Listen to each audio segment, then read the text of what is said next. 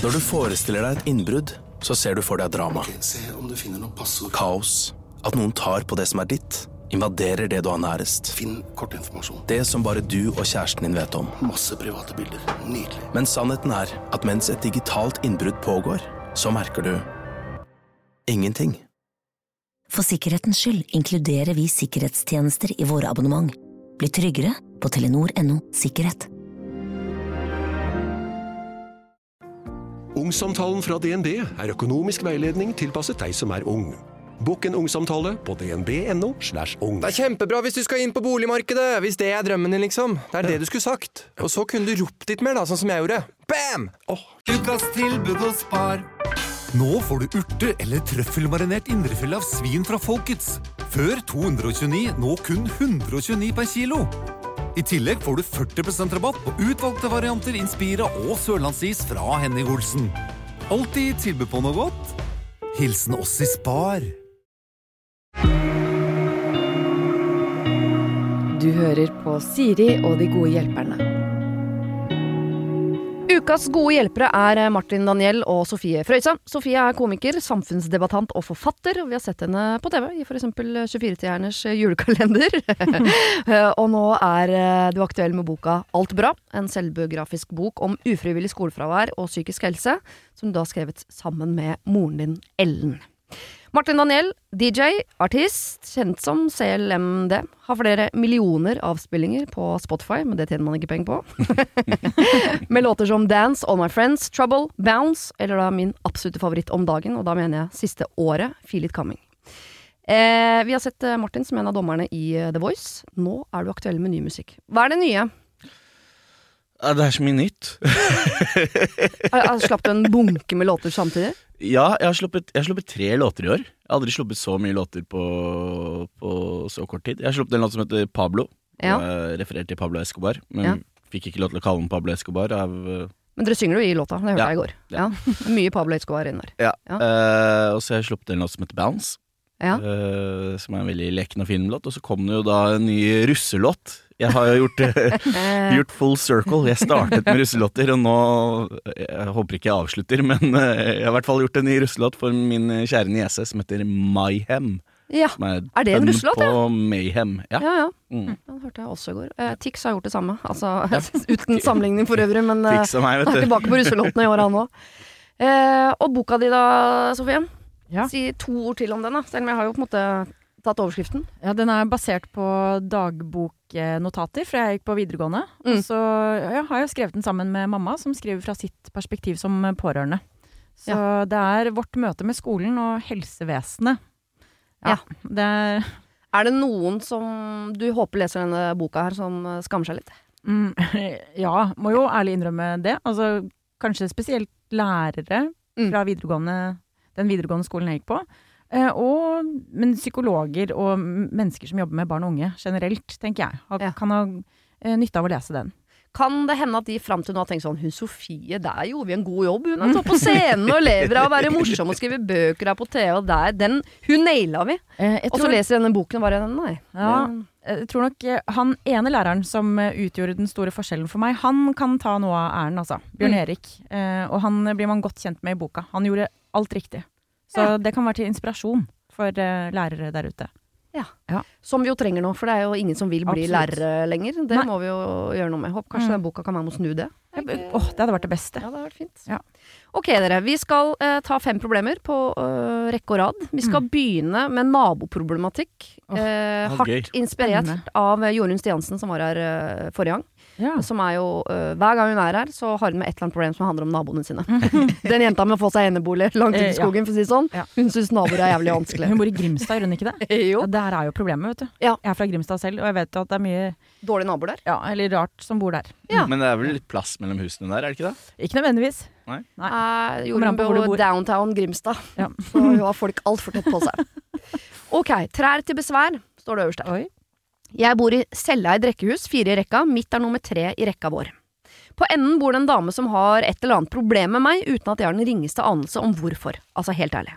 Jeg er ikke så opptatt av å bli bestevenn med naboen. Hun kan gå rundt og være sur og grinete så mye hun vil for meg, men jeg har et problem, og det er at hun har plantet flere tujatrær klin inntil leveggen som skiller eiendommene våre, og disse trærne er nå fire meter høye.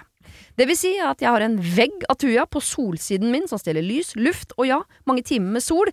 I tillegg så er trærne bælstygge. Jeg sendte henne en vennlig SMS i fjor hvor jeg lurte på om hun kunne ta dem ned i høyde, både disse og andre trær som skygger for trivsel hos meg, og fikk til svar. Viser til at jeg tidligere har sagt at det som står på din side, kan du bare ta sjøl. Høyden på trærne er noe jeg fortløpende holder nede. Jeg ønsker skjerming og privatlivet dette gir. Men jeg vil også ha muligheten til å utnytte hver eneste mulige soltime, og dette går rett og slett på livskvaliteten min løs. Så hva gjør jeg i år? Trærne vokser, de stjeler mer sol, vi har ingen kjente vedtekter, jeg har prøvd å ta en runde om dette med avtroppende styreleder, og det er visst litt sånn vill vest i vårt nabolag, her er det mer eh, meg enn oss, ser det ut som. Og så kommer hun med en tilleggsopplysning som er ganske lang. En liten tilleggsopplysning. Eh, før min tid inngikk de fire eierne som bodde her en avtale om å dele årlige utgifter på en utelampe som er montert på veggen på den andre siden av rekka, og da jeg flytta inn, så ble det bare tatt for gitt at dette skulle jeg være med å betale. Og så er hun litt sur på det, for hun mener hun får ikke noe ut av den utelappen på, men det må hun være med på å betale på, samtidig som de gikk av hensyn til henne og hennes behov for sollys. Ok. Når det angår, angår trær som stjeler mye trivsel fra meg, da er det altså ikke snakk om trivsel for alle lenger, men kun hun som ønsker privatliv og skjerming. Hjelp! Jeg må ta en runde på å få ned disse trærne, og ta gjerne imot noen gode råd på hvordan jeg skal gå fram. På forhånd, takk. Dere kan kalle meg Pulvereksa. Dette her er, nå er vi liksom inn i kjernen på det å være nordmann. Ja, ja. Ja. Kjente at jeg fikk lyst til å rope sånn Norge, Norge, Norge. Dette her er jo Konfliktskyhet og nabokrangel. Ja. ja og for mye tujar generelt. Men jeg kjenner meg litt igjen. Altså, jeg er jo litt hun naboen. Å ja. Fordi Altså hvem da? Hun innsender eller hun med tujaen? hun- hun med tujaen, ja. Du er hun med tujaen. ja øh, ikke for å skryte, men jeg har kjøpt meg enebolig. Oi, Ja, det har du. Tusen takk. Og hagen er jo omringet av trær. Ja. Så vi har egentlig naboen ganske nærme, men vi føler at vi er i en sånn oase. At vi er helt sånn skjermet fra de andre i eh, byggefeltet. Mm. Eh, som jeg vil tro kanskje er litt til besvær for naboene. Men Ja. vi elsker det. Og, Mm. de, og de vokser, de trærne. Men det driter vi, for det er altså så fint. Ja. Så jeg kan eh, Her er ikke jeg så veldig eh, riktig person til å svare. For jeg er nok Men, litt på lag med plager det hun. naboene? Det vet jeg ikke, jeg har ikke hørt noe om det. Nei. Eh, men eh, det kan godt være det. Eh, så her er jeg naboen til pulverheksa. Ja. Kan jeg bare spørre om type trær? Ikke for å være sånn plantegæren, Ja, ja, ja. men Ja. eh, for det har litt å si, faktisk. Grantrær, og så er det Men vi, Det er gran, ja. som er rundt hele hagen. Mm. Så har vi masse forskjellige trær i hagen også. Ja. Fra bjørketrær til tuja. Altså, vi har masse. Skjønner. Stor hage? Stor hage. Ja, Ja. Deilig. Ja. Ja. veldig deilig. Så jeg skjønner jo hun naboen, hvorfor hun har lyst til å ha disse tujahekkene. Mm. For det gir uh, hyggelige omgivelser. Men, men jeg bet meg merke i at uh, styreleder var avtroppende. Ja, det her er vi en mulighet til å utnytte noe greier, ja. Ja. Ja. Altså, det er jo bare å melde seg som styreleder, er det ikke det? Ja, det er sant. Jo. Ja. Og, så, og så få det inn i vedtektene. Ja. Det er, gå, gå noe, bli politiker. gå den veien. Veldig brannfakkel og si Nå er du veldig smart, uh, syns jeg, Martin. For Ja. dette er jo, det er jo så typisk også å sitte utenfor systemet og sutre over regler istedenfor å gå rett inn og lage reglene. Ja. Jeg vet, Det er kanskje litt Putin å si, men altså eh, Her har man muligheten til å klatre hele veien til toppen som Ja. styreleder, for det er jo ikke Ja. en, en eh, posisjon mange vil ha. Nei, Nei. løse det Sett deg på toppen og lag de reglene du vil ha. Ja. Mm. Da kan Ta- du si nei til kontroll. Ja. Ja, tuja er forbudt. Men det er så dumt, fordi tuja er jo fint. Eh, Det, Absolutt får du ikke. alle med på det? Nei, kanskje ikke. tuja er, eh, er jo eh, måka i Det er, jo, det, er jo, det, er, det er billig og effektivt. Ja, Det er det tuja er. det er det det er. Ja. Men, men uh, Kan være fint, hvis man trimmer det riktig og Ja, det gjør jo ikke hun her, da. Nei. Og hva er, hva er poenget med Jeg skjønner at tuja kan være skjermende, Mm. Men når den står på innsiden av en levegg Den leveggen skjermer vel Ja. i utgangspunktet, eller det er som å ha solbriller utapå solbrillene. Og det, det, var, det var litt det jeg tenkte på, fordi trenger du da privacy over den leveggen? Er det, er det, fordi det, det virker som her at det har grodd da over leveggen og, Mm. og vel så det. Ja. Burde ikke den holde for, øh, for privatlivets fred? Jo. Så jeg tror at naboen her er sur og tverr og bare går rett i nei-fase uansett hva naboen spør om. Så jeg tror hvis hun skal nå fram enten uh, uten å være styreleder, men få naboen til å liksom uh, mø komme henne i møte, Mm. så må hun endre taktikk fullstendig, for, for at hun kommer til å si nei uansett hva du bør. Ja. Ja, du, du kan jo gå helt psyko og finne ut når naboen skal på ferie, og så tar du motorsagaen mens eh, naboen er på ferie. Er det lov? Det er ikke lov, du får bot da, per tre. Jeg tror ikke bota for tuja er så Hadde det vært eik, for eksempel, så hadde du jo Ja. sittet inne Men, men Ja. det, da er det et regnestykke, da er det verdt det. Ja. Hvis, hvis det går utover livskvaliteten, hvor mye, hvor mye er du villig til å betale for livskvalitet? Ja, og ikke minst selv om du sier det er ikke så viktig for meg å være bestevenn med naboen. Men, Men er det kult å være sånn øh, Fiende? fin- Sånn ordentlig fiende, liksom? Jeg vet ikke, det, er, det går jo sport i det òg, da. Men, ja. men eh, nei, men jeg, jeg syns jo, jo at hun må, hun må ta litt mer tak. Altså, Styreledergreia er én ting, men hun sendte en SMS i fjor, Mm. og så fikk hun et svar. Det er dritlett å avvise folk på SMS. Ja. Ikke sant? Hvis Ja. du går og banker på eller, eller ringer, i det minste, så er det, det er mye vanskeligere å si nei til folk face to face. Ja. Mm. Og kanskje man skal være litt sånn eh, behjelpelig også og si jeg kan hjelpe. Eh, når jeg flytta inn eh, der hvor jeg bor nå, så sto det masse hus mellom oss og naboen. Mm. Eh, og da kom naboen over og sa sånn, vet du hva, forrige nabo eh, ville ikke ta ned de trærne, vi har veldig lyst til å ta ned de trærne. Vi kan selvfølgelig gjøre det, vi, vi gjør det, tar regninga og alt. Vi har bare lyst til å ta ned de trærne. Mm. Og da, fordi vi hadde lyst til å være kule naboer, så var det sånn, herre, slå det løs, ta, riv hvilke trær dere vil. Ja. Eh, men da, hvis de hadde sagt sånn, kan dere ta ned de trærne? Så hadde jeg vært sånn, Nei. det var et spørsmål jeg gidder å bruke tida mi på, Mm. faktisk. Men eh, går det an å være allergisk mot tua? Nei, tror jeg ikke. Nei. For det, det hadde jo vært et sikkert kort, da. Ja. Men kan hun ta igjen og gjøre noe på sin side av den leveggen som er enda mer forstyrrende for, eh, for naboen? Så blir det en sånn kamp. Det kan være litt spennende at de må liksom overgå hverandre hele tiden. Kan man ta ned leveggen, lurer jeg på. Ja, eller Men vet ikke jeg øh, Kanskje hun skal tagge, tagge ned den leveggen? Ja, men Men da er man, på da er man tilbake til å gjøre sport i krangle med naboen, da. Ja, men Ja. det kan jo være litt Er ikke det litt sånn spenning i hverdagen, da? At de må up- uppe gamet, liksom? Jeg får liksom, jeg får liksom den derre um, Han Adam i Exit, når han driver og krangler med naboen. Jeg, Ja. får litt sånn, jeg får litt den viben over det, bare på mye mindre skala. Ja. Det er Ja. liksom, kan, du, kan du plante marihuanablader i, i naboens tuahekk, liksom, og så ringe Ja. politiet? Er det Oh. Eller sluppet løs et eller annet skadedyr ja, som elsker tua. Mm. For det er noe med sånn, skal man Hva er liksom riktig vei å gå uh, hvis man skal prøve å nå inn til en som i utgangspunktet er pottesur? Ja. Er det å være pottesur tilbake? Nei. Eller er det en annen vei som er mer taktisk å gå? Det kan godt være falskt. Kan- ja. Kill them with kindness. Ja. Det, det, det funker alltid for meg. Ja, men kanskje ta en litt sånn sårbar inngang og si sånn du Jeg vet at uh, dette her sikkert er veldig teit, og at uh, jeg, jeg skjønner at du er veldig glad i de hekkene, men for, det her går utover min livskvalitet. Kanskje begynne å gråte litt også, Ja. og si liksom at det her plager meg veldig. Jeg vet at ja, Det høres sikkert rart ut, men, men det, er, det er noe som virkelig gir meg hodebry, dette her. ja. Uh, for jeg har bare lyst på sol. Og det kan alle relatere til. Man trenger sol.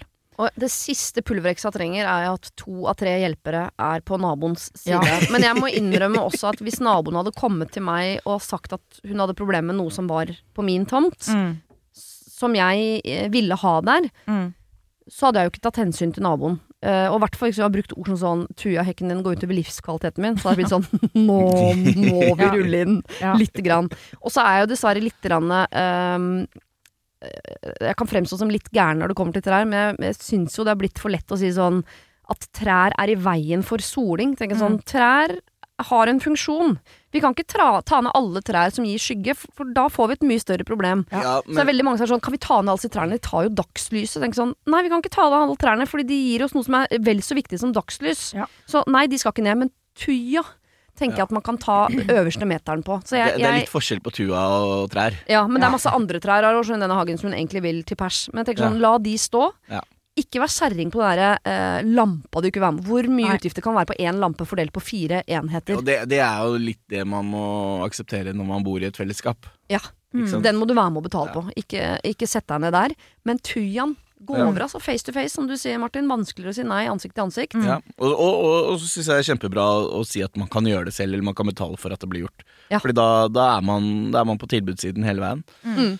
Ellers så stemmer jeg for å bli styreleder, jeg. Ja, Og, det er det- og, og ta, det, ta problemet innenfra. Det er nok eh, kjappeste veien til løsningen her, er å Ja. bli styreleder. Mm. Og prøv å unngå ord som du tar fra meg livskvaliteten. For det, det er bare Det faller på sin egen urimelighet. Ja, Så trenger, trenger man jo ikke å komme ja, altså, I forhold til den lampa også, som styreleder, så kan du jo påvirke det òg. Men du trenger jo ikke å sitte som styreleder resten av livet. Ja, du tar ett år, Ja, ja, og så fjerner du og all tujaen, og så går du av. Lager du vedtekter om Tuja, og så er du ferdig. Som varer utover ditt mandat og utover eh, de neste ti årene, selv om ikke du sitter på toppen. Blir legacy. Dette er lurt på hvorfor ikke folk gjør i land. Hvorfor bare tar du ikke makta, og så lager du reglene fra toppen? Ja. Eh, Men jeg har fått forklart hvorfor ikke det er sånn, så er det greit. Men eh, i et eh, styre, så gjør det, da. Ja. Ikke sant? Og så er det nei til Tuja herfra. Ja. Vi skal over til et problem som eh, jeg skjønner Jeg bare leser problemet, og så kan vi problematisere problemet sammen etterpå, OK? Ja. For her egentlig skulle man sikkert hatt noe kunnskap blant Ja, OK, jeg tar det fra toppen. Hei. Jeg har blitt mor til en gutt på ett år nå. Og jeg og min samboer har sagt lenge at det er på tide å reise og besøke min familie. Men barnet er født prematurt, og jeg har fått høre fra andre at det å reise med fly, det er ikke bra. Og vi må mellomlande. Min mann ser dette som et stort problem. Jeg er fryktelig glad i han, men jeg synes dette høres ut som en unnskyldning. Han vil helst at hele slekta på 17 stykker skal komme hit til oss. Det er jo helt absurd. Moren min kan ikke reise, hun har vondt i knærne. Sønnen min er bare født én måned for tidlig og trengte ikke kuvøse. Det tok pupp en gang, det var en vellykka fødsel, og jeg ser at utviklingen hans øh, går som den skal, det er en frisk unge. Spørsmålet mitt er, om mellomlandet med fly, er det egentlig et problem? Hilsen fortvilet mor. Og da tenker jeg, dette er en fakta, øh, å, å fly med en unge på ett år som ble født en ti måned for tidlig, Ja. det er ikke et problem. Nei. Det, vi, Overhodet ikke. nei, det, altså det, vi, vi trenger ikke å bruke lang tid på å diskutere. Svaret på det er nei. Mm. Eh, problemet her er jo denne mannen som av en eller annen merkelig grunn enten er hysterisk overbeskyttende, eller som har en eller annen agenda som gjør at han bruker dette med at eh, ungen kommer til å daue hvis vi kommer opp på uh, nok uh, høyde, Mm. eh, som en unnskyldning for å slippe å besøke familien hennes. Eller om kanskje han egentlig er redd for Jeg vet ikke. Men hvordan overbevise Vi er nesten på hvordan overbevise naboen om å kutte ned tujaen. Bare at her, eh, her kan du ikke bli styreleder. Hvordan skal hun få mannen sin til å skjønne at ja, eh, du, du, du, du tuller? Det er ikke noe problem. Dette er ikke et problem. Det høres jo ut som Altså Man kan jo mistenke at han mannen driver med litt sånn passiv-aggressiv eh, holdning her fordi han ikke har lyst til å besøke noen familie. Ja. Og, og han vet også at uh, ved å foreslå at hele familien kommer hit, det kommer aldri til å skje. Så, så han, er, han er trygg, ikke sant? Mm. I den forstand. Det, det høres jo ut som det egentlig er problemet, men, uh, men man vet jo ikke, da. Men, uh, men Men hvordan skal hun overbevise han da? Eller må, kan hun ikke det bare å gå til fastlegen, da? Få fastlegen til å si at det å fly med en ettåring er ikke noe problem? Mm. Da har du dokumentert fra en lege. Det, det burde jo Altså, Ja. skal du argumentere mot det, da? Ja, og det er mulig jeg gjør et, et ikke-problem til et stort problem her nå, men han bare høres litt manipulerende ut i form av sånn nei, vi kan ikke gå til lege Altså at det bare høres ut som han er en eh, fyr som er flink til å overtale henne med ordene sine. Ja, og det blir spennende å se eh, litt lenger ned i løypa her. Kommer det her til å fortsette? At han er sånn Nei, eh, sønnen vår kan ikke være med på den klasseturen, fordi der er det jo noen skarpe steiner. Eh, og Skjønner de, ikke sant? Ja. De kan være farlige. Altså, at han rett og slett begynner å pakke inn ungen Ja. Ja. Det er litt Altså, vi eh, er jo, skummelt. vi er jo bobleplastgenerasjonen når Ja. det kommer til foreldre. Det er jo det er ikke noen tvil om det at alle skal være helt hysteriske på hva barna sine kan gjøre og ikke kan gjøre. Men, men eh, jeg tror, tror det skal gå greit å fly, tror du ikke det? Ja, men det vet jeg jo. Det går helt sikkert greit å fly, men så, så, du har jo en, en som går i barnehagen, og så har du en babys. Ja. Hender det at dere er liksom uenige om uh, hvor forsiktig man skal være? Hvor ofte ungen skal bruke hjelm, eller de tingene der? Jeg mener at det holder med ved sykling, Ja. er jo min holdning til hjelm. Ja, vi, vi, vi bruker hjelm hele tiden, så Noen gjør det. Noen gjør det. Det, det er en liten digresjon, da, men, men sønnen min, da, da han skulle begynne med skøyter, så, så var han veldig insisterende på at han måtte ha hjelm med gitter, fordi han kunne få ballen i ansiktet. Ja. Eh, ikke spiller vi bandy, eller har med ball på skøytebanen, men uh, gitter skulle han. Så, så det, er kult ut, ja, det ser jo kult ut, Ja. men, men, eh, men det, var, det var ikke derfor han Det var trygghetsårsaker at han insisterte på det. Ja. Uh, så det er barna òg, og jeg vet ikke om det er prosjektert fra meg til han, at man må være så uh, forbanna Som Han bare har teft for HMS. Veldig. Ja, det- Fremtidig. HMS-suksess på han. Er du veldig forsiktig med sånne ting? Nei, ikke egentlig. Nei. Eh, jeg jeg syns jo han er litt pingle, da. Ikke sant? jeg vet ikke om det er lov å si. Jeg. Jo, jo, jo, jo, det er lov å si. Men kan hun moren ta med seg barnet og dra alene, og så komme tilbake og si sånn Du, det gikk helt fint, det. Se, han lever. Sende snaps underveis og bare se her, her går det dritbra. Ja. Sov på fly ja, og hvis han er hysterisk for det, kom, han kommer ikke til å tillate det, da. ja, Men han er jo ikke Det er jo, det er jo ikke et diktatur. Men, men hvor, hvor Altså, de må mellomlandes, det er åpenbart et stykke. Ja. Men, men er det Er det Er det på kontinentet? De Kan- må mellomlande i Paris. Altså, den var litt mangelfull, den mailen her, for å være helt Ja. ærlig. Eh, må mellomlande i Paris. Om det er fordi de skal til sånn knytte Altså, de skal til Toulouse, og det går ikke direkte flyaktig, det vet jeg ikke. Nei. Eller om de skal til eh, Aner ikke. Men, det, men selv om du skal til Toulouse, så, så er jo ikke det mer enn 24 timers eh, kjøretur.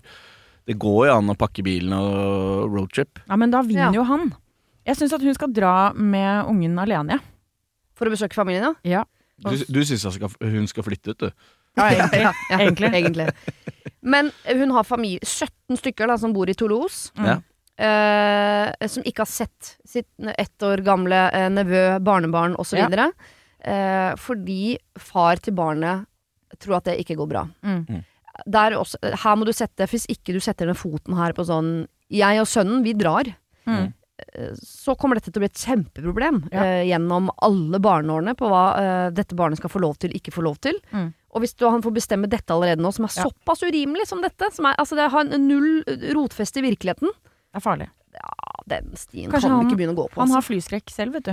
Så Ja. han bruker ungen som eh, sånn eh, Altså bruker det som en dårlig unnskyldning. Ja. Og det er farlig. Da går det utover barnet. Ja. Ja. Da kommuniserer jo de ganske dårlig, disse her to. Mm. Jeg tror selvfølgelig det voksne å si her er sånn, sett dere ned, ta en prat, hva er det dette egentlig dreier seg om? Mm. Ta med inn i praten eh, masse dokumentasjon på at nei, det er ikke farlig å fly. Mm. Det er pes å fly med barn. Mm. Det er ikke farlig. Og ikke projiser dine egne problemer over på barnet. Nei. Mm. Ja, det tror jeg er gode, gode tips. Ja. Parterapi. Parterapi, ja. Faktisk. ja. Ja. Få opp kommunikasjonen, få opp kunnskapsbanken, eh, på dette i hvert fall. Og hvis han er helt urokkelig, så tar du den ungen under armen, og så flyr du. Ja. Bokstavelig talt. Bokstavelig talt. På bussen, en helt vanlig torsdag, mottok Tore tilbudet som skulle forandre alt. En e-post, en lenke og en nettside med rabatter på det nye utstyret han egentlig ikke hadde råd til, men hadde så lyst på. Det eneste han rakk å tenke, var at dette var nesten litt for godt til å være sant. Og det var det det var. Over 70% av alle nye nettsider er svindelsider. For sikkerhetens skyld har alle Telenor-kunder sikkerhetsfiltre som blokkerer falske nettsider. Se hvordan du kan bli tryggere på telenor.no sikkerhet. Ungsamtalen fra DNB er økonomisk veiledning tilpasset deg som er ung. Bokk en ungsamtale på dnb.no. ung. Ok, det var jo en syk døll måte å forklare ungsamtalen på, da. En smart prat om penga mine, ville jeg sagt. Ikke sånn kjedelig økonomisprat, skjønner du. Ukas tilbud hos Spar. Nå får du urte- eller trøffelmarinert indrefilet av svin fra Folkets. Før 229, nå kun 129 per kilo. I tillegg får du 40% rabatt på utvalgte varianter Inspira og sørlandsis fra Henning Olsen. Alltid tilbud på noe godt. Hilsen oss i Spar. Har du et problem og trenger hjelp, ja, så sender du det til meg. Da bruker du Siri, alfakrøll, radionorge.no. Ok, her er det en som vurderer å bytte jobb. Vi har fått en for- og en mot-liste. Det syns jeg alltid er, Ja, er ryddig. Er. Mm. Jeg er en introvert jente på 30 år. Jeg er barnløs, men jeg har hund og samboer. Jeg står i litt, eh, et litt vanskelig dilemma. Jeg har jobbet på samme sted nesten hele mitt voksne liv. Det er en komfortabel kontorjobb, jeg trives helt greit. Nå har jeg fått tilbud om en helt annen jobb i et konkurrerende firma. Jeg er veldig usikker på hva jeg skal gjøre, så jeg skriver en liste med for og mot for begge jobber. Så kan dere hjelpe meg å ta et valg. Nåværende kontorjobb. Det er eh, pluss for fleksitid, mulighet for hjemmekontor, stor frihet, mulighet til å ha fri på kort varsel, eh, jobben kan gå inn og ut av, det er ikke noe press, få sitte i fred, det er 30 minutter å kjøre.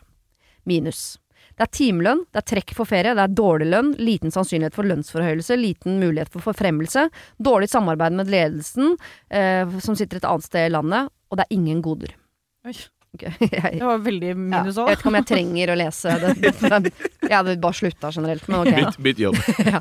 Potensiell ny jobb på gulvet. Fysisk Mm. mer utfordrende. Pluss. Det er fastlønn, god startlønn, litt høyere enn jeg har nå, og bonus. Det er firmaturer i inn- og utland, eh, det er betalt av firma. Muligheter for å ta fagbrev, eh, fagbrev eh, om man vil. Ledelsen er veldig involvert, sjefen er på samme sted, det er kantine med varmmat hver dag. Minus. Kjør! Stress? spørsmålstegn. Det er en times reisevei i bil. Jeg må gjennom en by, det er kø, det er dritt. Usikker på om jeg klarer en så fysisk jobb. Det er mye folk rundt meg hele tida. Mm. Aldri hatt en sånn jobb før, så jeg er redd jeg driter meg ut og angrer. Skal jeg ta sjansen og hoppe i det, eller bli det trygge og kjente? Og en liten twist på slutten her. Samboeren min jobber på denne potensielt nye jobben. Føler kanskje det kan være grunnen til at jeg fikk dette tilbudet, og at jeg føler presset for å ta imot. Men jeg er usikker på om jeg egentlig har lyst. Økonomisk sett så burde jeg ta den, altså. Kan dere diskutere så jeg får sett det utenfra? Klem fra meg. Mm. Og hun er introvert. Det hang jeg meg opp i.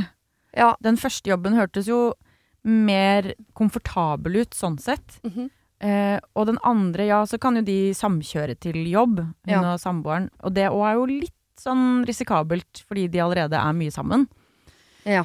På hjemmebane. Men så, så lenge ikke det er på samme avdeling, tenker jeg. Ja. Hvis, du, hvis man jobber liksom oppå hverandre, Mm. så er det tøft. Men det er litt koselig om morgenen, kanskje. Bare Ja, det er drikke kaffe i bilen og høre på musikken din og Ja, sett, sett på noe selv om det og- ja. Eller bare radio, for den er der òg. ikke P4, da. Eh, men men hun- det virker ikke, for hun, på minussida så kunne hun jo satt opp det at han jobber der. Det har Ja. hun jo hun har valgt å ta han ut av lista. Han står ikke på Mm. pluss heller, det skal sies, men han står i hvert fall ikke på minus. Ja. Ja.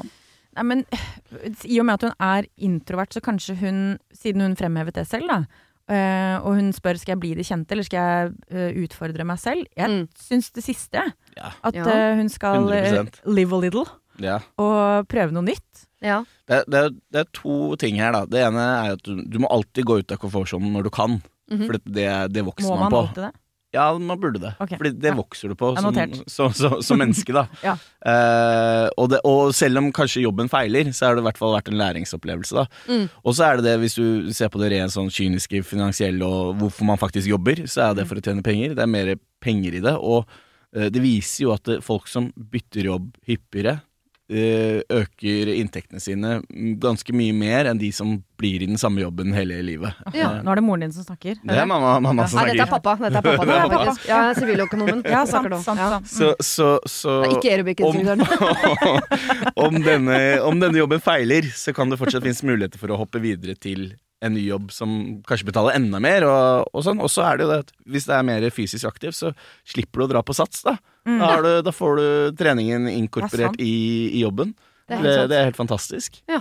Mm. Og så tenker jeg eh, halvtimeskjøring ve- versus timeskjøring, det er ikke så stor forskjell. Nei. Ikke sant? I hvert fall ikke med CLMD på radioen. Nei, og hvis det er to i bilen og legger dere i, i bussfila med elbil, så er jo det gjort på et kvarter. Ja.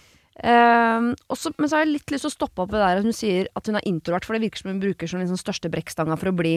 Og jeg er ikke et menneske som er sånn alle må bytte masse jobb, alle må jakte karriere, alle må ut og reise. Jeg tenker sånn, hvis du trives der du er, bli der du er, da. Ja.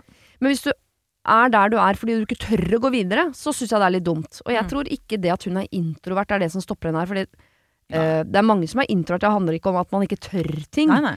Her er det noe annet som stopper en til. Du kan helt fint være introvert i en jobb hvor det er masse mennesker. Mm. Um, Det handler bare om hvordan du får energi. ja, jeg tenker at hun i tillegg har noe annet, noen andre liksom frykter, noe ting hun syns er skummelt. Og da er jeg veldig enig med deg, Martin, da skal du gå ut av den komfortsona. Mm. For hvis du da blir inni den lille jobben din, og ikke utvider liksom det universet, så kommer det Og du er, hun er i starten av livet, kommer til å bli altså så begrensa. Mm. Og du kan Hadde, hadde hun elsket uh, den jobben hun var i, så hadde jo ikke dette vært et spørsmål. Nei. Ikke sant? Så, så jeg tenker jo sånn at eh, det, det, det som jeg Det som største røde flagget for meg er det å jobbe sammen med samboeren din. Ja. At det, det kan bli liksom for mye. Jeg Mm. har jo de som, de som har fulgt CLMD lenge, vet jo at jeg har en ekspartner i CLMD hvor vi eh, både jobbet og spiste og bodde og, og var sammen konstant hele tiden. Og Mm. det, det gjør noe med deg. Nå var ikke det et kjærlighetsforhold i den forstand, da, men, Du var men ikke sammen med Carl Louis. jeg var ikke sammen med Carl Lewis, men det var ikke langt ifra. Bare den siste lille goden du ikke fikk. Jeg så, jeg så han mer enn jeg sa kjærestene mine, for å si det sånn. Ja. Just a tip. Man kan eh, Det er jo Jeg mener jo at eh, venninner ikke skal bo i kollektiv sammen omtrent. Ja, fordi det er jo noe med når ting blir for nært, uten Mm. at man har den nærheten man har som kjærester, Mm. eh, så kan det bli litt for mye av det gode straks. Men jeg syns man hørte egentlig på de to minuslistene at eh, det er flere minus i, i den jobben hun er nå. Mm. Jeg, jeg syns at det skinner litt gjennom, jeg. At hun egentlig Hun trenger bare et lite push, og det er det vi skal gi henne nå. Mm. Vi skal gi henne den, det pushet på at vet du hva, du skal inn i en ny jobb du nå. Mm. Mm. I hvert fall det minuset som er liten mulighet for forfremmelse. Ikke fordi Ja. jeg mener det er det største minuset, men hvis hun syns det er et minus, Mm. så vil det jo si at hun har lyst på muligheten til å vokse. Hun er stagnert nå. Ja? Og det får hun ikke der. Nei, hun Det får hun jo bare ved å bytte jobb. Ja. Og helt er, ikke for å, å shame den jobben du jobber på nå, men det høres ut som en jobb du kan få om igjen hvis du angrer. Ja, Altså- ja, ja. Og så kanskje de kan se på det som en eh, utfordring i forholdet positivt. At det er sånn her, de kan drive med litt sånn rollespill, og at de later som de ikke kjenner hverandre og sånn. Ja. ja. At man må sjekke hverandre opp på slutten av Ja. arbeidsdagen hver dag. Så Ja. Skal være med hjem i dag, eller? Hva skal du Skal du i helgen, da? Ut, ut på lønningspils og Ja, Er ikke det litt spennende? Så ja, jeg lå med en kollega på julebordet, liksom. Shit. Ja, jeg Hun kan gjøre det. ut. Ja, hun kan det. Ja, jeg, eh, jeg, er 100%, jeg tror alle tre er 100% på at du skal bytte Ja. jobb. Ja. Hvis det er det egentlige problemet som ligger bak her, som ikke du setter opp på noen av listene, er at du syns det er skummelt å skulle liksom jobbe sammen med samboeren din, så tenker jeg det må finnes måter å løse det på. Mm. Enten rollespill er jo helt klart en måte å gjøre det på, men Mm. sjekk om det går an at dere jobber på hver deres avdeling, f.eks. Dere må jo, øh, hvis dere starter en trend som er sånn vi lager kaffe sammen på morgenen, setter oss i bilen, hører på podkast, det er ikke noe skravling. Mm. Eh, så, så den timen til jobb blir fri. Da holder, sitter jeg med min podkast og du med din, Ja. og så snakkes vi når vi kommer hjem fra jobb. Mm. Bare lag noen sånne Hvis det skal bli en sånn konstant koseklubb med sånn småpludring, så er man jo ferdig med å være kjæreste. Da har man brukt opp 90 år med kjæresteri på et år, da. Ja, sant. Men, men det er jo det er jo én ting her som jeg, som jeg tenkte på, og det, det er jo dette i forhold til at hun føler at kanskje noe av grunnen, eller mye av grunnen til at hun har fått jobben, er på grunn av samboeren. Ja. At samboeren jobber der. Er, er, tror du det kan gå litt på stoltheten hennes? Liksom, at har jeg fått denne jobben, dette tilbudet, på riktige premisser? At det er, er litt der det kan stå? Ja, det tror jeg ikke. Det Ja. hørtes ikke sånn ut. Nei, det er mer det. Altså, jeg føler kanskje det kan være grunnen til dette tilbudet, og jeg presses daglig for å ta imot. Eh, jeg tenker at han har solgt den inn, og det Mm. sier jo noe veldig fint om han. han Mm. Kjæresten Ja. min er veldig flink, henne burde dere ansette. Mm. Og så vil jeg jo tro at den arbeidsplassen her er seriøs nok til at de ikke bare tar han på ordet, men har liksom sjekka at det han sier er eh, sant. Mm. Men det presset som hun føler daglig fra samboeren, kan hun jo også se på som kjærlighet. Han har, han har lyst til å ha deg på arbeidsplassen ja, Shit, det er hyggelig, ass. Det er jo det, med mindre han er kontrollerende og gæren, da. Men da må du skrive det, for det er ikke vi vet. Ja, ja. jeg tror ikke det handler om stolthet, det er vel mer kanskje det presset at hun, hun kunne fått dårlig samvittighet da, hvis hun ikke slår til fordi Mm. han har rigga det, liksom. Ja, ikke sant? Ja. Mm. Men da syns jeg, jeg at det er jo Det er klapp på skulderen til han. Ja. For at han, han gidder, og han har lyst, ønsker å ha henne der. Ja. Og at hun må ta det som en eh, kjempekjærlighetserklæring. Ja, bare han ikke bruker det mot henne. Sånn, du, nå skaffa jeg deg jobb, Ja. så nå skal jeg, du nå skal jeg ha 50 av pengene dine. Ja, eller mer sånn at han Ta deg BH-en. Det, det, er Ja, sånn, det, er sånn, det er sånn managerne mine driver med det. Ja, ok. Ta av deg BH-en. Driver du med det? Det òg. Spennende. Ok, vi skal over til en hjerteknust Madeleine. Å nei. Mhm. Hei fra en hjerteknust jente på 25 som ikke får sove. Det er slutt mellom eksen og meg etter to år sammen, og jeg sliter med hva eh, slags kontakt vi skal ha videre. Alexander er min første kjærlighet, og jeg har hatt alle mine førstegangsopplevelser med han. Vi var eksklusive i åtte måneder før han endelig sa ja til å bli sammen. Mm. Før det hadde han ikke villet ha kjærestestempelet fordi han ikke ville, ha, ville at familie og venner skulle se på meg og tenke at det var jeg som var den jenta han skulle gifte seg med og få barn med. Det, jeg vet, det, er, det er den første her. Det kommer flere her. Okay. Det har vært mye fram og tilbake, med flere brudd i dette forholdet. Den første gangen uh, sa han at han aldri hadde elsket meg eller sett for seg en framtid med meg. Videre kom det også fram at han hadde rusa seg på hasj annenhver dag og holdt det skjult for meg, enda jeg hadde gjort det klart at jeg vil ikke holde på med en som ruser seg. Da vi ble sammen igjen, tok det et halvt år før han sa at han elsket meg, men ikke lenge etter det så slo han opp igjen. Han slo opp med meg av de samme grunnene som første gangen, altså at følelsene hadde dabbet av, og at eh, han ikke hadde det bra med seg selv, og trengte å fokusere på å kutte ut rusen, dyrke hobbyer, jobbe, tjene penger, bli et bedre menneske. Eh, nå har vi vært av og på i fem måneder, og Alexander har nylig foreslått en eksklusivitetsavtale, der vi treffes når vi har lyst, som er to ganger i måneden. Avtalen innebærer at vi sletter Tinder begge to, og at ingen av oss dater noen andre. Problemet er at jeg vil ikke treffes to ganger i måneden, jeg vil treffes syv ganger i uka. Og selv om vi er eksklusive, så er han vel teknisk sett fortsatt singel når han drar ut på byen, eller? Jeg vurderer å si ja fordi jeg fortsatt elsker han, jeg er fremdeles forelska, og fordi jeg frykter at han skal treffe noen andre. Men også fordi jeg håper at hvis vi har det koselig ofte nok, så innser han at han har gjort en feil og vil ha meg tilbake. Han har gjort det klart at han ikke vil ha kjæreste før om mange år, men, og her kommer hæ nummer to, men at han har en drøm om at vi finner tilbake til hverandre etter at han har fått barn med en annen, og er ferdig med å oppdra dette barnet. Ja. Til info, jeg er usikker på om jeg vil ha barn, så kan hende det er derfor, da. Ikke sant? At han vil ha barn, og da må han få det med den andre, og så kan de bli sammen. Wow. Til referanse, kolon. Vi har vært veldig gode kjærester og ikke minst gode venner for hverandre, men vi sliter bare med å navigere hvordan vi skal være hverandres ekser. I en utopisk verden står han eh, fortsatt som viktig i livet mitt, og vi kan være bestevenner resten av livet. Men hvordan kan man være venner når man ender opp med å ligge med hverandre hver gang man treffes?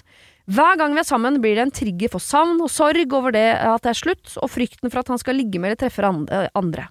Jeg opplever at den konstante kontakten vi har, forlenger sorgprosessen, men samtidig kan jeg ikke se for meg livet uten han. Hjelp!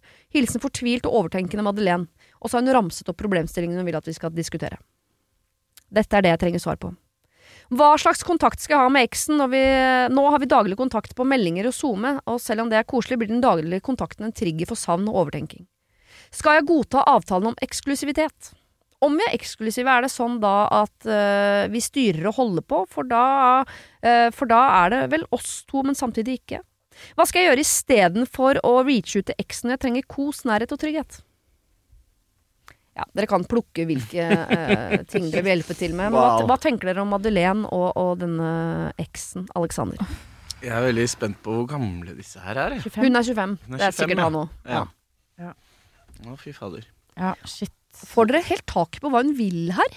Altså, vil Hun ha han som Hun sier at hun vil ha han som venn resten av livet, men hun vil jo se han syv ganger i uka. Jo, men det er, det er, hun, hun er blendet av kjærlighet, ikke Ja. sant? Hun er forelsket, eller altså fortapt, i, i denne fyren. Ja, av en eller annen merkelig Og grunn. av en eller annen merkelig grunn. Det er ikke så merkelig, egentlig, da. Hvorfor ikke? Fordi han gir henne litt, og da vil hun ha mer. Og Ja. så er det jo noe med det derre Ikke for å avbryte, men det er jo den derre Du aksepterer den kjærligheten du tror du fortjener, ikke sant? Ja. Og at hvis du da Nå vet ikke jeg hva slags eh, Ja, hun had, det her er også den første kjæresten, da. Ja, Ikke sant? Vanskelig å glemme. Ja, og hun har jo blitt hekta på, på det lille hun får. Og det her er jo kjempetoxic. Jeg vet at hun sikkert er klar over det. At det her er jo ikke sunt. Mm. Men det, jeg tenker jo at han Alexander burde eh, gå i terapi. Og det Mm. burde hun også. Ja. Eh, og så burde hun eh, Jeg vet at dette er hardt å melde, men kutte han. Jeg tror ordet hekta er et, eh, et godt stikkord her, for det er vel eh, Er det Sissel Gran eller noe som skriver ja, noe om det? At det er eh, Det minner veldig om forelskelse, men det er ikke det det er. Du er hekta. Mm. Det er noe annet. Ja. Så han har rusen, hun har Alexander. På en Mm. måte. Ja, Mm. Og de klarer ikke å slutte. Nei. Hva skulle du si, Martin? Ja. Uh, nei, det har jeg glemt nå. Ja, du sa at det er veldig merkelig at hun er ja, hekta på han, da. Øhm, jeg har fortsatt glemt det. Ja. Men, men det jeg kan si, da, er at jeg, jeg, jeg kjenner meg litt igjen i problemstillingen. Fordi fra min første seriøse kjæreste Det er noen år tidligere, da, fra 15-16-årsalderen, og, og vi var sammen litt sånn av og på. Og ja, gitt det var kanskje litt mer ungdommelig, men, men, men fram til vi var ca. 20. Mm. Uh, og jeg husker at da vi endelig splitta sånn ordentlig, og, og det ble slutt, så, så uten at det, man skal gå inn på hvem sin feil og hva Hvis ikke gjort like mye dumt underveis her, begge to, men, men da når den hekten da, som vi snakker om, ga seg, Mm. så innså jeg at de siste tre årene vi har holdt på, så har det bare vært fordi det var vanesak. Det var bare fordi at vi, hun var min havn, og jeg var hennes, ikke sant? Og at når vi, vi var ute og vimsa, så ble man dratt tilbake til hverandre, fordi det var det man visste og kjente til, ikke Ja. sant? Mm. Uh, og at, men hvor utrolig godt jeg fikk det når jeg endelig klarte å bryte det mønsteret, da. Og, og, og traff andre mennesker, og fikk meg ny kjæreste etter hvert, og, og de tingene der. At det, det, man, man tenker at denne personen er alfa og omega, at ja, man skal være venner uansett, og sånne ting. Men nei, man trenger ikke egentlig det. Nei. Og det, det forholdet var aldri noe bra for meg. I hvert fall ikke Eller det var kanskje det en periode, men, men meste av det har egentlig bare vært på autopilot, ikke sant. Men var du nesten, du nesten kjenne på sånn bitterhetsfølelse etterpå? At sånn, nå har jeg kasta bort de siste tre årene på dette. Tenk så mye jeg kunne opplevd i livet. Ja, jeg, jeg er veldig holdt opp å si, god slash dårlig på å ikke gråte over spilt melk, holdt jeg Ok. holdt å si. den egenskapen har ikke jeg. Så, så jeg, jeg, jeg gidder ikke analysere, for det er, det er litt gjort er gjort. Eh, Men selvfølgelig, det hadde sikkert vært dritfett å være singel hele videregående og, og være bajas på fest i stedet. Tre år til. Tre år til. Ja. Jeg kan også kjenne meg igjen. Jeg har også vært i et sånn av og på forhold som aldri ble eh, et uttalt forhold, men ja, vi holdt det gående av og på i flere år. Ja. Eh, og den gangen så var jeg helt overbevist om at eh, det kommer til å bli oss til slutt. Men Mm. nå som jeg er blitt voksen, eh, så når jeg ser tilbake på det, så tenker jeg at eh, eh, ja, det er lett å, å ja, angre på at du har kasta bort tid, men nå kjenner jeg at jeg er veldig glad for det referansegrunnlaget. Nå har jeg liksom et sammenligningsgrunnlag for at shit, nå setter jeg ekstra stor pris på han jeg er sammen med i dag. Ja. Mm. Eh, så det har vært viktig lærdom. Mm. Eh, og nå ser jeg jo tilbake på at det der var jo et toxic forhold. Men den gangen så hadde jeg, jeg hadde en veldig utrygg eh, tilknytningsstil, eh, og var liksom vant til at det var litt turbulent. Så jeg tenkte sånn, ja men dette er vel normalen. Mm. Men eh, hun her Man kan vel feede litt på det òg, litt sånn. At det, at på dramatikken, på en måte. Absolutt. Og Ja. det er jo en sånn en misforstått kilde til bekreftelse. At ikke sant, å nå gir han meg lite grann, og så blir du jo hekta på det. Ja. Eh, men nå som jeg er voksen, så, så ser jeg jo helt annerledes på det. Men da var jeg jo blind. Altså, jeg ville jo bare ha det jeg ikke kunne få. Mm. Eh, men fordi hun spør jo egentlig Hun spør jo ikke burde jeg kutte han, hun spør hvordan skal jeg forholde meg til han. Mm. Eh, jeg mener jo at det beste er å bare Her må du bare liksom kutte kontakten, Ja. eh, og få det på avstand. Og gjerne gå i terapi og snakke om dette her med en profesjonell. Ja. Og så gi det den tiden det trenger. Fordi han kom Altså bare det at han sier at han vil ha et annet barn. Det er ikke bare sånn vi kan finne tilbake til hverandre om et år. Jeg skal sånn, være pappa først. jeg skal bli far i mellomtida her, og møte noen andre og forplikte meg så mye at jeg skal få et barn, men så kan det bli oss. Det er jo eh, ikke et sunt utgangspunkt. Nei, og selv om det høres hyggelig ut for Madeleine, så må du huske på at det er ikke så god egenskap å allerede nå planlegge at jeg skal bli sammen med en dame, vi skal bli så Mm. glad i hverandre at vi skaper et liv sammen, og så skal jeg dumpe henne og Ja. ikke bo sammen med barnet mitt lenger, for jeg skal til eksen, så altså Han gir jo seg selv en enorm makt, og Ja. hun er jo i en veldig dårlig posisjon her Ja. i forhold Mm. til han. Eh, og gir han jo den makten også, ved at han får lov til å sette spillereglene. Så jeg tenker at eh, nå må Madeleine ta kontroll over sitt eget liv eh, og sin egen verdighet og selvrespekt. Ja. Sette deg selv først, og bare kutte han. For han eh, høres ikke ut som en som gjør henne godt, da, tenker jeg. Hun er jo hjerteknust, og det er jo Ja. Alexander sin uh, skyld. Og jeg tenker, når, hun, når jeg leste denne mailen, så fikk jeg litt sånn inntrykk at det var fra samme tidsperiode som Mm. uh, det, det sa vel ikke du, Sofie, når uh, du hadde dette toxic-greiene, men fem, jeg, jeg trodde de skulle være yngre enn 25. Ja. For dette her høres yngre ut enn 25. Ikke for å liksom uh, shame det, men dette høres ut som veldig ung, usikker kjærlighet. Og når du er 25 år, så tenker jeg at du må unne deg en kjærlighet som ikke er noen som sier sånn, jeg kan ikke si at du er kjæresten min, for jeg vil ikke at familien Mm. min skal tro at det er du jeg skal være sammen med resten av livet. Ja. Jeg må bli sammen med en annen for barn med henne før jeg kommer tilbake til deg. Jeg har aldri elsket deg, jeg gjør det ikke nå, jeg har ikke gjort det før. Jeg er av og på, jeg, vil, jeg må fokusere på meg og Nei, nei, nå skal jeg ruse meg. Tenk sånn, Alexander ja, Mm. Må skjerpe seg. Ja, og det hø Men, men Ikke vær hekta på Alexander, da. Nei, og det er ikke noe shame på at hun er det. Jeg kan forstå det. Jeg forstår veldig godt eh, mekanismene bak. Ja, ja. Men det er bare noe med å liksom løfte det opp og tørre å se på det. Eh, og, og tørre å se på hva, hva det her gjør med deg, da. Eh, fordi jeg skjønner at hun er hjerteknust. Virkelig. Mm. Det forstår jeg. Men eh, Og jeg forstår også at siden det er første, så kan man lett føle at det her er sånn 16-17. Men ja, hun var litt eh, senere ute, da, med å møte noen som er hans, eller hennes første. ja, ja. Um, Jo, men den usikkerheten, den av og på, sammen og ikke Ja. sammen. Og nå er vi bare eksklusive, men vi er ikke sammen. Men nå er vi uh, Det var, tenkt sånn, det var voldsomt mye greier Ja, og veld, ja. veldig, mye sånn definerende termologier, da, som egentlig bare er tull, ikke sant? Ja. Enten så er man dedikert til hverandre, eller ikke. Man, man kan kalle det kjærester, eller man kan ikke kalle det kjærester, men hva er forskjell på å være eksklusiv og være kjærester, da? Ikke sant? Det, er, det, er, det er bare andre ord, ikke Ja. sant? Og, og jeg tror at hun må jo øh, hun må jo stille litt krav selv òg. Altså hvis, hvis hun faktisk på død og liv skal Altså Vi kan ikke stoppe henne fra å ville være sammen med Alexander, selv om vi Mm. kanskje råder henne til, til å ikke være det.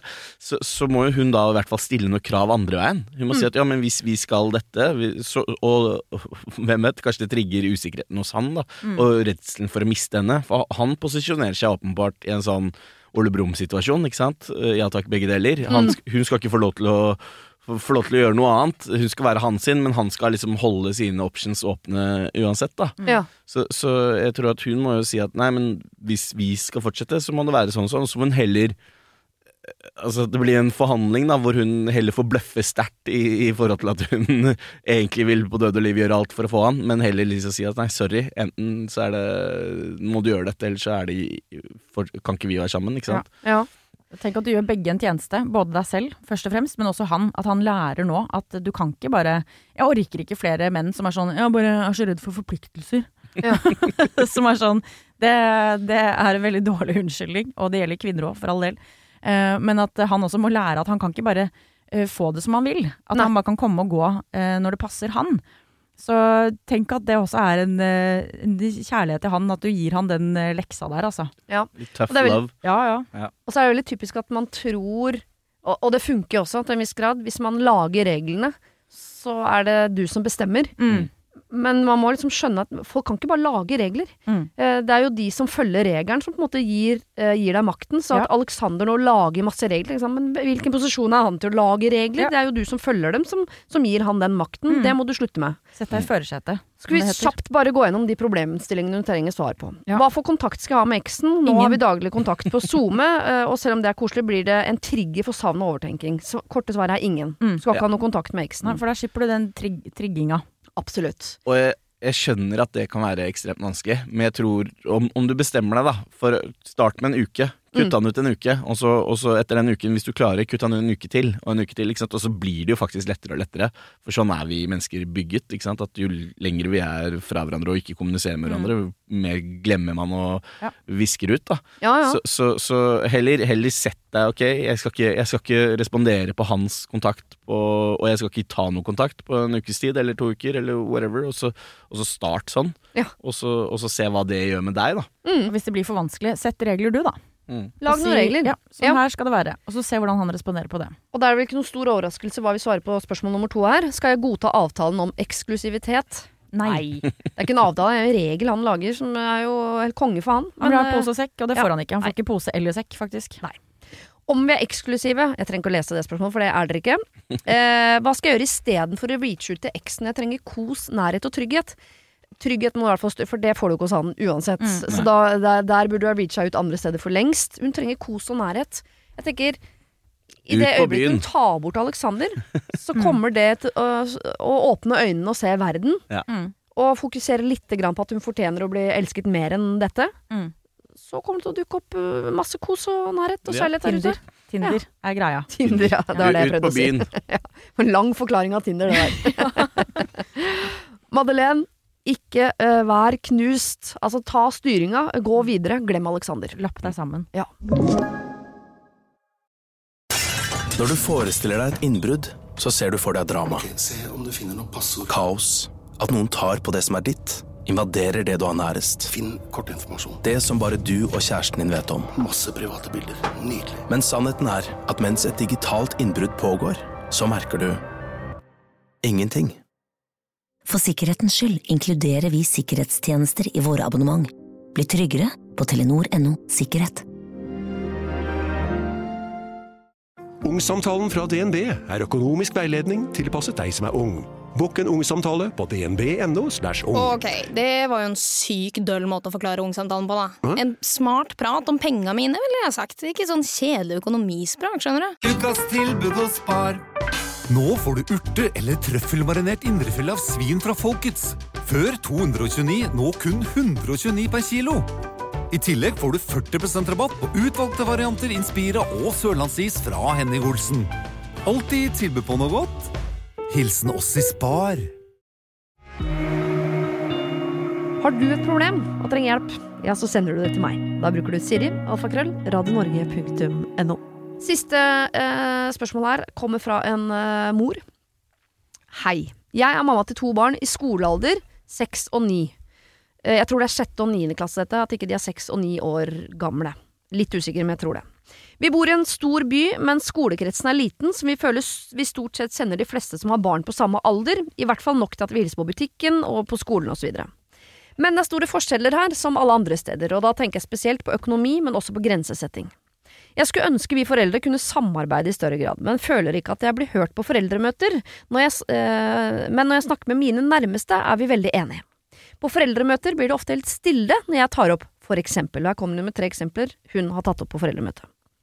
Kunne vi hatt regler for spilling? Hvilke spill kan de spille, og hvor lenge? Jeg krangler mye med mine barn fordi deres venner får spille lenger, og de får spille spill med høyere aldersgrense. To. Mange av barna har fått Snapchat, og vi Ok, da er det sjette og niende klasse. Ja. Mange av barna har fått Snapchat og avtaler ting der, Eh, men vår minste får ikke lov. Jeg mener vi må bli enige om hvor barna kommuniserer, slik at ingen blir holdt utenfor. Tre. Klær. Noen får veldig dyre klær, det har ikke vi råd til, og når barna kommer hjem og ber om nye sko eller et eller annet som alle de andre har, så blir jeg altså så irritert. Har virkelig alle andre eh, sko til barna til flere tusen kroner? Hva er vitsen med det? Vi skal snart på foreldremøte igjen. Hva skal jeg gjøre for å bli hørt? Hilsen Susanne. Dette er jo øh, litt øh, Dette er jo midt i mitt liv, på en måte, men det er Ja. kanskje litt uh, fremtidsaktig for dere, eller? Mm. Klarer du å sette dere inn i det? Det er ikke, det er ikke så hissig i barnehagen ennå. Nei? Nei. Men uh, Men har dere ikke vært på møter i barnehagen hvor noen vil ha felles regler? nei, tror jeg ikke. Faktisk ikke. Ehm, nei, men, nei, men jeg, jeg, jeg, jeg skjønner jo problemstillingen her. Ja. Og jeg, kan, jo, kan jo forstå det. Uh, det er utrolig vanskelig. Det er utrolig vanskelig hvordan man skal For det handler jo om oppdragelse, ikke sant. Og, og, og noen vil jo Der er vi jo like forskjellige som vi er mennesker. Mm. Uh, og hvordan skal man gå fram, da?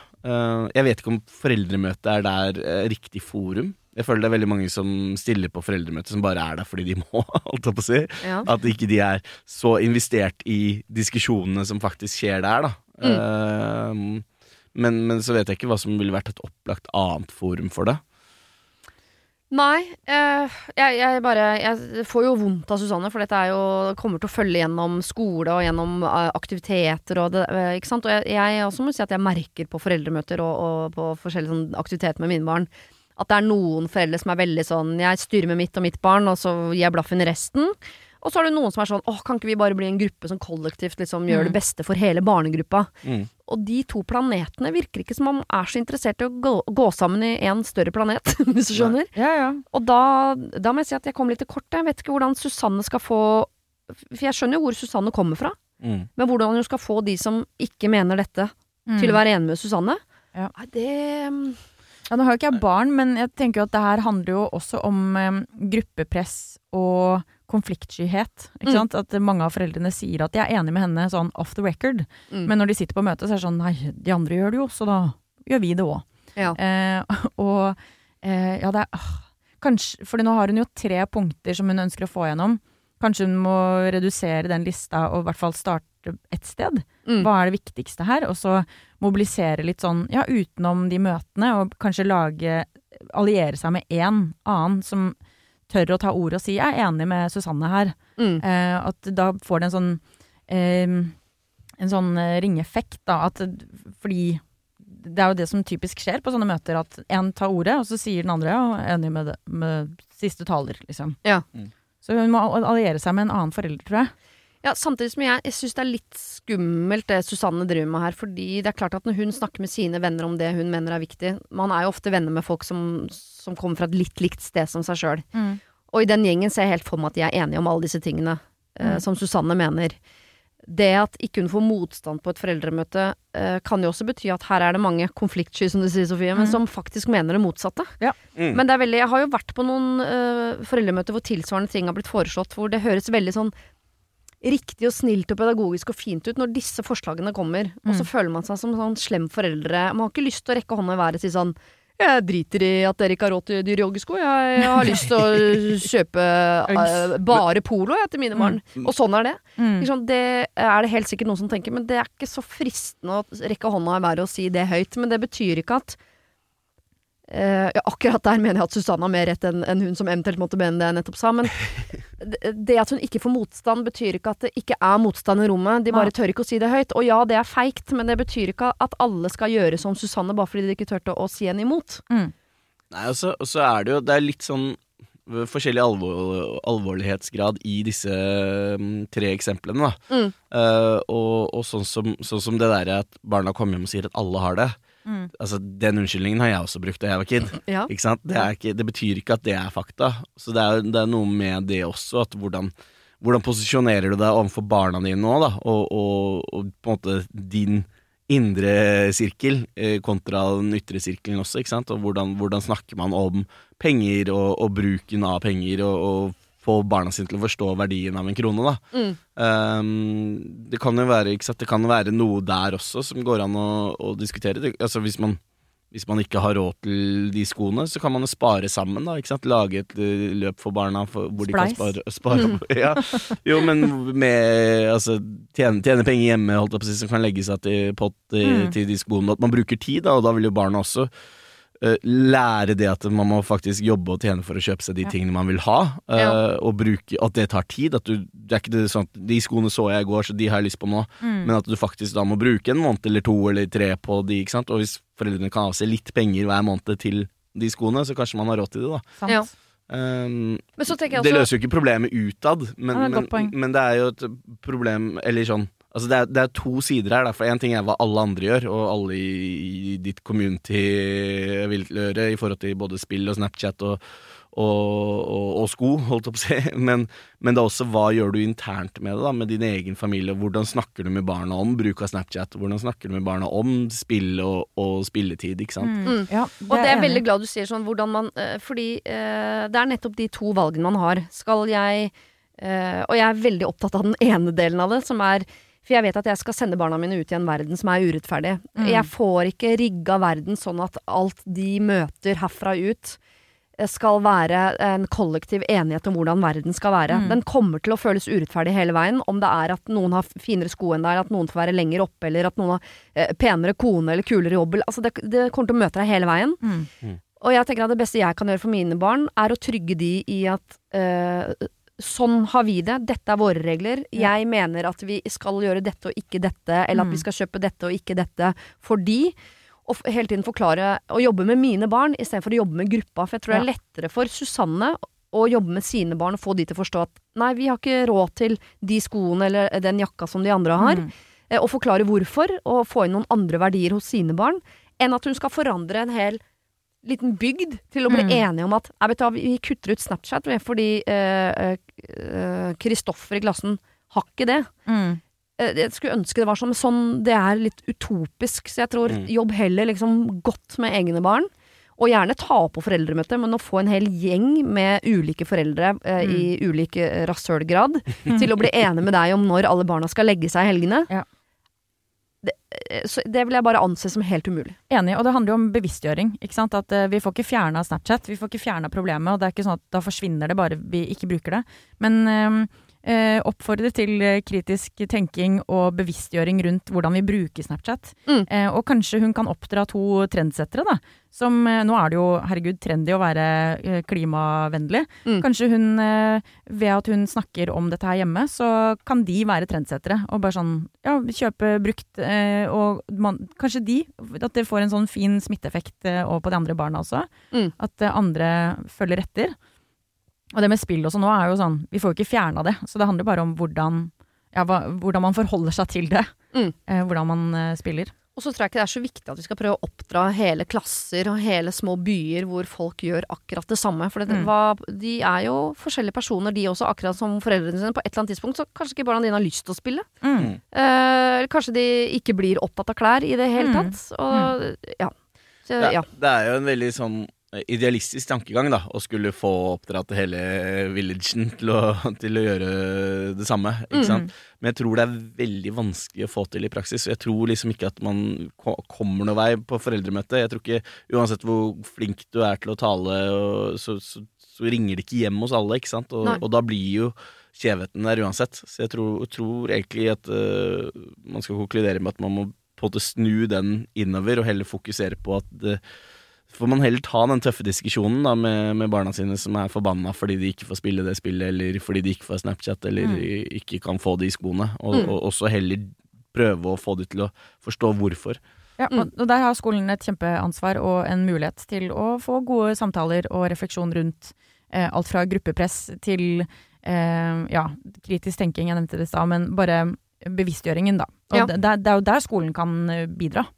Og hvis dette her er et uh, problem som gjør uh, som følger Eller som gir utestengelse, mobbing og sånn, så er det selvfølgelig Mm. noe man skal ta tak i. Ja. Men at hele liksom, klassen skal bli enige om alle regler alle skal ha for sine barn, det tror jeg, det tror jeg ikke du får til. Men jeg tror du kan liksom bruke den energien på å jobbe med dine barn. Mm. Og så syns jeg du skal fortsette å si ting på foreldremøtet. For det er noe Ja. med at selv om ikke de er enige med deg, så de hører hva du sier. Mm. Om det er en av foreldrene i gruppa som tar inn 10% av det du sier, så har du i hvert fall oppnådd noe. Men at alle skal bli enige om at det du sa, det går vi for, Mm. det tror jeg ikke. Men noe av det går sikkert inn. Mm. Sant? Ja, da blir det uniform, liksom. Det er jo neste. Sånn Kompani Lauritzen, alle må gjøre det samme. Og... Det er en kjempeidé, hvorfor gjør vi ikke Jo, det? jeg vet det. Jeg vet det. det kommer til å bli i fremtida. Ja. Sikkert. Det var noe greier i Kina. Ja, det har funka det. Susanne, sorry, det var ikke meningen å, å eh, Vi hører deg, og Ja. fortsett å bruke stemmen din, men bruk 90% av den eh, på barna dine, og trygg de på at deres valg er riktig for dere. Mm. Eh, tusen takk, Martin og Sofie, for at dere var mine gode hjelpere. Lykke til med bok, musikk. Lykke til med å overbevise mamma om at det du driver med, Martin, det er, eh, det er akkurat det du skal eh, drive med. Jeg tror ikke moren din er i tvil om at det du driver med, Sofie, er det du skal drive med. Jeg lover jeg lov å hoppe. Godt oppsummert. Det var det. Husk å sende problem til siri.radionorge.no om du vil ha hjelp. Denne podkasten er produsert av Klynge for Podplay. På bussen, en helt vanlig torsdag, mottok Tore tilbudet som skulle forandre alt. En e-post, en lenke og en nettside med rabatter på det nye utstyret han egentlig ikke hadde råd til, men hadde så lyst på. Det eneste han rakk å tenke, var at dette var nesten litt for godt til å være sant. Og det var det det var. Over 70% av alle nye nettsider er svindelsider. For sikkerhetens skyld har alle Telenor-kunder sikkerhetsfiltre som blokkerer falske nettsider. Se hvordan du kan bli tryggere på telenor.no sikkerhet. Maifesten er bedre med Meny, og denne uken får du 30% rabatt på fersk norsk angusbiff, 30% rabatt på Evergood kaffe, 8 ganger 1,5 liter Coca-Cola Zero til 99 kroner, og stort utvalg Big One og Grandiosa til 30% rabatt. Både i butikk eller levert hjem. Meny spiser du bedre, lever du bedre.